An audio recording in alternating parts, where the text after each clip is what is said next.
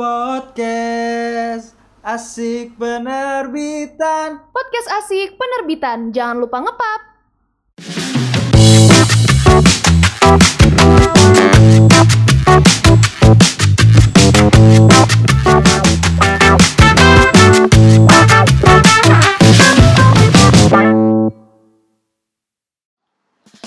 Sobat Pena, sebelum masuk pembahasan mau kasih tahu nih kalau Prodi Penerbitan akan mengadakan pameran literasi yang bernama Kaya Gema, yaitu Karya Raya Negeri Maya.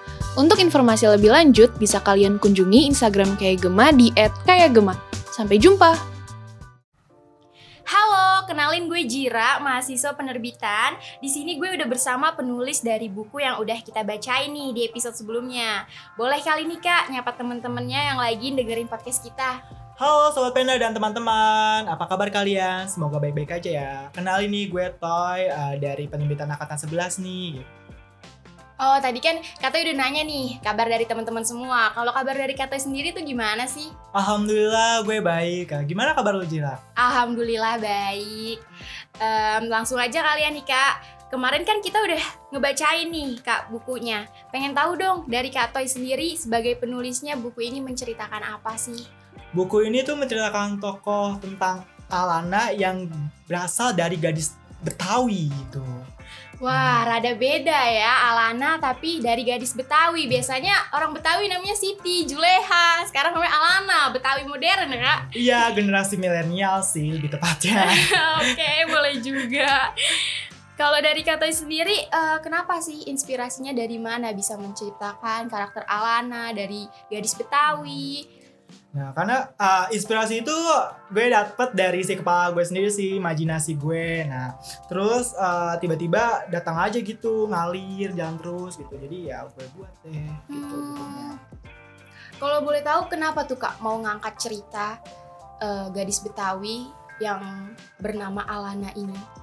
Ya karena gue lahir di Jakarta juga, jadi kayak gue udah lama gue tumbuh di Jakarta, jadi gue pengen apa tuh coba aja gitu, gadis Betawi ke sekolah ya kan, kayak seru-seru gitu, apalagi dengan orang tua yang hebat-hebat gitu, dia orang tuanya hebat kok. Berarti diambil dari keseharian kita aja dan pengalaman kita sendiri ya kak. Iya. Em, eh, kira-kira ada kendala nggak sih kak pas nulis cerita itu sendiri? Ada sih ada kendala gitu. Untuk uh, kendala itu biasanya tuh kalau penulis itu biasanya mood ya. Iya, mood kalau enggak kayak buntu tuh cerita ya kan? Nah tuh biasanya gue nanggepinnya itu kayak gue keluar jalan-jalan nonton film atau enggak gue hangout sama teman-teman biar kayak gue nggak berpacu dengan tulisan itu. Bisa bisa nanti kalau gue pulang tuh gue tulis lagi gitu. Ada- Berarti Katoy tipe-tipe penulis yang ngebangun mood dulu nih baru bisa dapet ide-ide Iya. dari melanjutkan tulisannya ya. Kira-kira buat nulisnya sendiri tuh jangka waktunya berapa lama sih kak sampai akhirnya jadi buku? Oh, itu sebenarnya tuh dari semester 5 ya, ada tugas mata kuliah produksi. Nah, itu gue sebagai penulis itu ditekan untuk gue selesai naskah itu tiga bulan. Berarti dalam tiga bulan Katoy langsung menjadikan buku itu menjadi buku. Oh enggak, itu sabar dulu, ada prosesnya ada juga buku, diedit, terus habis itu disun, eh, di, di, di naskah, sunting, baru tuh dija, dijadiin apa tuh desain, baru jadi buku katanya gitu. Mal ada prosesnya. oh prosesnya gitu. ya bener juga sih nggak mungkin Ah, ujuk-ujuk iya, jadi so- buku ya. iya. Tapi itu waktunya tiga bulan. agak naskahnya waktunya tiga bulan karena kan gue Oh, sebagai penulis kan jadi gue nyelesain naskahnya bulan. Deadline naskah lah, ibaratnya naskah kasar ya kak. iya Nah, Katoy sendiri kan tadi kelihatannya sibuk banget kan tuh magang, terus juga mengurus tugas akhir ini. Gimana sih cara bagi waktunya Katoy buat fokus ke eh, tugas akhir tapi nggak ngelupain tanggung jawabnya di magang juga? sebenarnya tuh agak sedikit berat ya harus bener-bener kadang lo harus uh, ngerjain uh, tugas kadang lo magang kadang lo harus butuh referensi untuk main jadi itu gue ngebagi waktu itu gue uh, gue dari pribadi gue sendiri itu gue sehari harus uh, selesaiin uh, du- dua dua naskah gitu loh jadi sehari dua kali- dua lembar gitu loh dalam kayak paling 15 paragraf gitu itu Oh. sehari Berarti Kato itu tegas kepada diri sendiri, nge-deadline diri sendiri biar nggak lalai kayak sehari gue harus ngasilin dua naskah Ah, gitu. Dan itu bisa menjadi hobi juga kayak jadi semakin berkembang juga uh, semenjak gue ngedi- ngedirin gue untuk dua hari uh, dua lembar itu terus besok besoknya kadang lima lembar gitu. Jadi kayak ngalir aja gitu diri melatih lah diri ya sendiri bisa gitu, jadi, melatih hobi diri. gitu. apalagi nanti tuntutan di dunia kerja pasti lebih berat Aduh, lagi kan betul kak. banget sih tapi pasti kalian ngerasain kok. Iya kira-kira nih kak dari cerita Kak Toy sendiri karakter favorit kakak tuh apa sih? Terus apa karakter itu ngegambarin diri kakak atau emang imajinasi kakak aja? Oh kalau ini ada sih karakter yang bener-bener nggak- emang itu diri gue gitu yaitu namanya Toby. Dia itu yang uh, memiliki sifat menghidupkan suasana gitu ketika ada tongkrongan lagi sedih atau gimana ya dia menghidupkan suasana untuk kayak ceria lagi kembali lagi gitu happy lagi bahagia uh, kayak ya semacam. Dia itu jadi tonggak untuk dia jadi apa tuh di tongkrongan itu jadi bahagia semua kan kayak banyak tuh kayak cerita mulu sedih gue galau nih gue galau nih eh tuh si Toby datang untuk kayak itu jangan galau lo harus bahagia Andrit gitu Berarti Kayak- Toby ini salah satu karakter pendukung dari Alana ini, tokoh utama Alana ini ya. Berarti dia Iya, salah satu betul. teman Alana. ya sahabat dekat Alana Oke.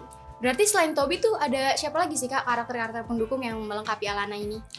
Eh sebenarnya tuh ada uh, Alana, Rose, terus June, terus Toby. Nah itu kan bergeng tuh. Nah di geng itu ternyata ada yang kayak kurang suka gitu sama si tokoh Alana dan dia untuk kayak Ah. pamit dari undur diri geng itu gitu. Itu kayaknya sering terjadi juga ya di kehidupan iya. nyata kita. uh, Berdunia. terus biasanya tuh gara-gara percintaan gak sih? Iya betul. Oh jangan-jangan spoilernya ini ya, Oh. sedikit spoiler. Oh, Upsi, ya. upsi, Oh, upsi, ya, ketahuan oke. deh. Oke, berarti kalau dari karakter eh, lima ini yang kakak paling suka itu Alana. Eh, eh, paling suka sih sebenarnya tuh si eh, sebenarnya tuh ada dua tuh Rose sama Toby gitu karena emang dia emang dia sahabat solid terus dia punya teman baru lagi namanya Alana sama si June itu terus dia jadi itu deh pertemanan gitu jadi itu yang benar-benar ngebangun kan namanya romance komedi yang ngebangun komedi itu si Rose sama Toby gitu Hmm, berarti Rosi gitu. sama Toby ini Enggak, enggak ada hubungan, enggak. Nah, di, sebenarnya tuh di cerita itu pengen gue buat jadiin pacaran, cuman kayak karena ini balik lagi ke judul like a friends, enggak ada yang pacarannya ya udah jadi teman just a semua. friend ya. Ya, just a friends. ya. Sama aja kayak di dunia asli apa-apa just a friend. Padahal Iya. bawa perasaan gitu. kan. Iya, betul banget. Tapi karakter dari Rosi sama Toby Rose, mohon maaf. Rose, oke Rose, sorry. Rose itu sendiri gimana tuh? Sama sama Toby atau apa? Sebenarnya Rose sama Toby itu sebelumnya tuh dia udah pernah sekolah bareng gitu. Jadi kayak udah kenal akrab gitu, dia udah tahu saling tokoh apa tuh satu sama lain udah tahu aja gitu tingkah lucunya. Nah, itu di gue temuin lagi di pas waktu sekolah SMA. Dan itu bertemu dengan Alana sama si June. Dan June itu si Toby sama si uh, apa tuh Rose itu satu kelas si June, June dan Alana itu juga satu, ya, satu kelas tapi, tapi si ini agak ribet ya, mohon maaf banget ya. Iya emang ya Ini begini ya. banget nih penasaran banget si sama. June sama si Alana itu anak IPS. Oh, I Nah, see. sedangkan si Toby sama si uh, uh, siapa sih Rose itu anak IPA gitu. Jadi kayak berbeda, berbeda ya. tapi tetap berteman, berteman. gitu. Apa Alana dan Zune ini tipe-tipe anak IPA yang pendiam, mikir dan belajar mulu atau emang sama nih sama Rose Toby? Oh enggak, uh, Alana itu tipe dia tuh kayak contoh dia tuh dia ibunya tuh jago masak kan, kayak Hmm. contoh basreng, masak basreng itu biasanya di sekolah tuh dia bawa basreng di tempat bekalnya gitu, terus dibagi-bagiin deh ke temen-temennya gitu. Betul Dia ya, Bas? Heeh, basreng, terus kadang nasi nasi uduk ulam, kan Betawi, Betawi banget. Tuh pakai jengkol atau kalau boleh Ah, tahu? boleh. Eh, uh, gue gak akan naruh jengkol sih karena ben gue gak suka jengkol jadi gue gak naruh jengkol. iya sih, maaf banget ya mungkin yang gus- yang suka jengkol maaf banget. gak apa-apa. Cuma kayak kesannya tuh Betawi identik aja sama Iya jengkol. betul banget semur jengkol gak Iya, sih? bener banget sih. Tapi kira-kira nih dari pertemanan itu ending apa sih yang Kak Toy buat? Aduh, ini agak mungkin gue bisa dibilang penulis jahat ya karena gue buat bener-bener set ending dan gantung. Gitu mungkin ada yang pembaca yang kurang suka dan aduh masa ininya gantung ini. Sebenarnya tuh ada plot twist plot twist gitu loh nggak Hmm. cuman kayak ada cerita ada makna-makna dalam sendiri gitu di dalam sebuah cerita pasti ada. Tuh Nah, Kak Toy sendiri kan tadi bilang tuh kalau misalnya ceritanya gantung dan juga banyak plot twist plot twist yang Kak Toy sediakan lah untuk mengkagetkan para pembaca ini ya kan. Eh, Kira-kira kalau misalnya eh, ada ending yang gantung gitu, Kak Toy ada niat gak sih untuk membuat sequel untuk para pembaca yang penasaran banget nih kelanjutan kisah Alana dan teman-temannya itu akan seperti apa sih? nah ini juga uh, maksud kenapa set ending juga sih karena kan kalau misalkan ke depannya nih semoga rezeki gue sebagai penulis novel uh, gue mau ada cerita ini ada part 2 dan doain aja sih uh, naskah buku ini dilirik sama penerbit gitu Amin. Harapan kita semua semoga Katoy bisa membawa cerita ini lebih jauh lagi. Kalau bisa difilmkan ya kak. iya itu idaman idaman sebagai pen- idaman seorang penulis nggak sih Gue sebagai anak penerbitan juga mempunyai Iya. Mimpi itu. uh, Semoga kita mimpi. semoga tercapai apa yang di- dipimpikan Amin. Terus kan tadi dengar-dengar dari Kak, penjelasan Katoy kalau ending ini bakal set. Boleh nggak sih Kak sedikit aja apa yang bikin ini set? Buka buat bikin kata-kata yang buat pembaca nih penasaran, pengen pendengar kita mm, penasaran untuk membaca buku dari Katoy. Simpelnya gini nih, simpelnya gini. Jadi tuh si Alana itu namanya gue gak tau ya perempuan itu punya dia tuh mikir dengan sebuah perasaan bukan dari pola pikir kayak dia tuh mainnya perasaan kan, gak dari pikiran kan. Iya, Nah, perempuan, nah sedangkan tuh baik kalau kalau kalau laki-laki tuh biasanya dari pikiran terus eh, kayak udah Logika. logika aja sih. Terus kayak terus gue buat aja nih uh, si tokoh uh, lawan mainnya Alana itu namanya kalau namanya Ansel. Itu sebenarnya tuh plot twist itu kakaknya dari Junei. Nah, kenapa gue bilang di antara lima tokoh ini kayak lima tokoh ini kenapa ada yang cabut ya kan? Nah, itu jadi si Ansel ini dia pergi lanjut ke kuliahnya. Dia tuh tukeran studi sedangkan saat itu dia lagi pengen berhubungan dengan Alana tapi kayak gak jadi gitu. Oh, berarti Ansel ini tokoh lelaki ya Kak? Iya, tokoh lelakinya. Boleh. Penasaran sih, berarti itu sebenarnya harus a- harusnya ada bumbu percintaan. Cuma karena Ansel ini mengejar mimpinya untuk berpendidikan, akhirnya tidak jadi. Iya, betul banget gitu. Oke, kan tadi kita udah membahas nih apa aja sih keunikan-keunikan bukunya, apa aja isi dari cerita-cerita yang Katoy buat, dan juga eh, udah ngebahas merempet-merempet ke ending lah buat para pembaca tahu sebagian besar garis besar nih buku ini mau ke mana sih. Mungkin Katoy bisa eh, menjelaskan lebih dalam apa sih keistimewaan buku ini dari buku komedi lainnya, genre Nah. komedi lainnya. Sebenarnya sih gue uh, sebelum gue nulis buku ini gue tuh nyari referensi dulu pasti ke buku-buku yang udah terbit di Gramedia gue cari uh, di buku Gramedia itu yang terbit romance komedi itu uh, kayak gimana sih ternyata uh, yang gue lihat itu belum ada buku romance komedi itu dicampur dengan sebuah kutipan atau quotes. Nah di buku gue ini ada kutipan dan quotes gitu jadi kayak keistimewaannya itu biar beda dari yang buku-buku lain jadi sebelum itu gue cari referensi dulu gitu terus dari mana sih uh, kalau ditanya ya kalau ditanya ya kalau ditanya tuh dari mana sih kutipan quotes itu itu gue ambil dari ketika gue masa kuliah semester 2, 3, 4 gitu Oh berarti kutipannya ini juga berasal dari Katoy atau tugas-tugas Katoy Enggak. mungkin di penerbitan? Apa ini hasil dari gabut ah, gabut aja ketika Oh. kuliah kayak aduh kuliah Iya. ngapainnya gue buat itu aja gue buat karya gitu dan ternyata karya itu kepake pas gue uh, pas gue uh, apa tuh buat pakai buat tugas akhir gitu. Katoy membuat quotes-quotes ini eh, untuk disalurkan ke mana? Atau untuk disimpan di sosial media namanya agak promosi ya. Oke, boleh Namanya, nih. tulisan berkarya underscore itu itu dari gue semester 23 itu itu tulisan tangan bener-bener tulisan tangan gue.